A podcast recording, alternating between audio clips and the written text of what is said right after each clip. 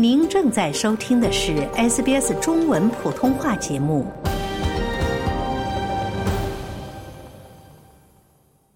听众朋友们，您现在正在收听的是 SBS 电台的中文普通话节目，我是雨夜。那么，第二十八届联合国气候变化大会呢，也就是 COP 二八的举行，也是让能源转型的问题呢再次成为了世界关注的焦点。今天我们请到西澳大学能源中心创始人张东科教授来分享他对澳大利亚能源转型的一些看法。张教授您好，雨夜您好。嗯，张教授，非常感谢您可以接受我们的采访。本次的气候变化大会比较重要的跟澳大利亚有关的点呢，就是在 COP 二八上，包括美国在内的二十二个国家是达成了一项历史意义的声明啊，就是三倍的核能宣言。但是作为全世界核原料储量最丰富的国家呢，澳大利亚却是没有去签署这一宣言，也是继续拒绝在本土区域发展核能。您认为这背后的原因是什么？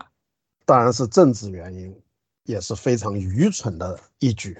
澳洲政府这个在 COP 二八上拒绝这个参与这个核能增加三倍的这个宣言，确实是这样。澳洲的这个油和燃料的这个资源是世界上最丰富的，也是世界上第三大核原料的出口国。同时呢，我们澳洲有非常可靠稳定的地质机构。也是为这个全世界提供这个核燃料全周期服务的最有利的国家。我们应该呢用好我们的这个核燃料这个资源。从哪里开始呢？第一呢，是从放开对这个油生产、油矿的采矿和这个出口的限制。目前呢，有有所谓的三个油矿的封顶的这样的一个政策，也就是说，我们同时只能有三个油矿，最大的是。在南澳的这个 Olympic Dam 这个油矿，我们应该放开这个这个政策，不应该把我们的资源只从地下挖起来做最简单的处理，然后在国际市场上卖出去，因为这个呢是得的这个利益空间是非常小。应该做深加工，就是提高这个这个染料的品质，这样呢深加工以后呢是附加值就更大，这是第一步。第二步呢？核能啊，这个技术呀，我们澳洲的老百姓过去反对的一个主要原因是冷战期间三十年、四十年以前这个冷战期间对核武器的这个恐怖，但这实际上是一个误导。核武器所用的这个核燃料，它的这个提纯的这个级别啊，要比这个呃发电用的这个核燃料呢要高得多。就是说，发电用的这个燃料棒里面的这个核能，它的纯度。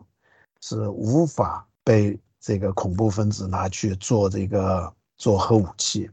而且它本身的核污染的这个影响也是非常非常弱的。第三个呢是核能这个技术已经这个在过去的四五十年这个发展过程当中已经是非常非常安全，应该说比煤、天然气发电还要安全。更重要的是它的可靠性。它的可靠性，这是任何其他方式发电都无法可比的。所以呢，澳洲应该发展核能，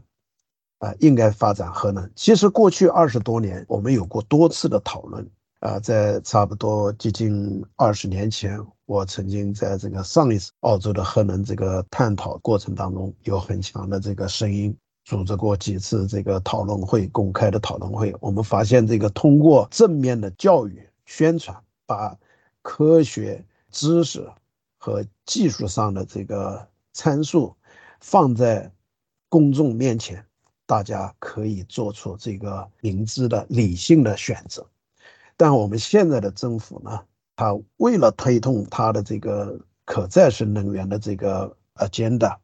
用这个就是核恐，老百姓对这个核的恐惧，以及这个误导的这个经济数据，来狡辩他这个反对核能发展的这个政策，这是不负责任的政府的做法。我们应该这个用科学、用知识和可靠的这个实际的这个技术数据和经济数据，在公众呢当中呢做公开的讨论。而不是用这个少数人这个甚至是扭曲的数据。我们这个呃，Chris Bowen 联邦这个能源部长几个月前说出来，用核能来替代这个煤发电要差不多三千八百多亿的这个澳元，这个数据是错的，至少是差了二十倍。我的估计是至少差了二十倍，他是没有这个任何背景的这个数据，呃，来吓唬人，这是非常不负责任的。嗯，张教授也是非常感谢您从专业的角度给我们带来的一个分享啊。那么，张教授，刚才我们也是说到了很多关于澳洲为什么不发展核能的原因。那么，在您看来，在不发展核能的前提下，澳大利亚能否去实现它的气候目标呢？也就是到二零三零年将排放量减至二零零五年水平的百分之四十三以下呢？呃，这个目标是第一是非常疯狂，第二是非常不负责任的目标。完全从技术角度来看，它能不能实现是可以实现的，但是代价是非常昂贵的。这个代价不仅是咱们的这个消费者要付很多这个财务上的这个代价，同时呢，我们也必须降低我们的生活质量、生活水准。如果我们一定要达到这个目标，那就是必须要降低我们的生活水准，否则是无法达到的。所以我说呢，就是从这个面上来回答你的问题，你要说能不能实现，是可以实现的，但是代价太昂贵，代价太昂贵。呃，是要让澳大利亚呃回到这个发展中国家生活水平，还是我们把我们的这个各种生活水平这个倒退三十年、五十年？去实现这样的可再生能源和碳减排的目标。那么，我们实现这个目标的目的又是什么呢？澳大利亚改变不了世界的气候，任何一个政府的法规、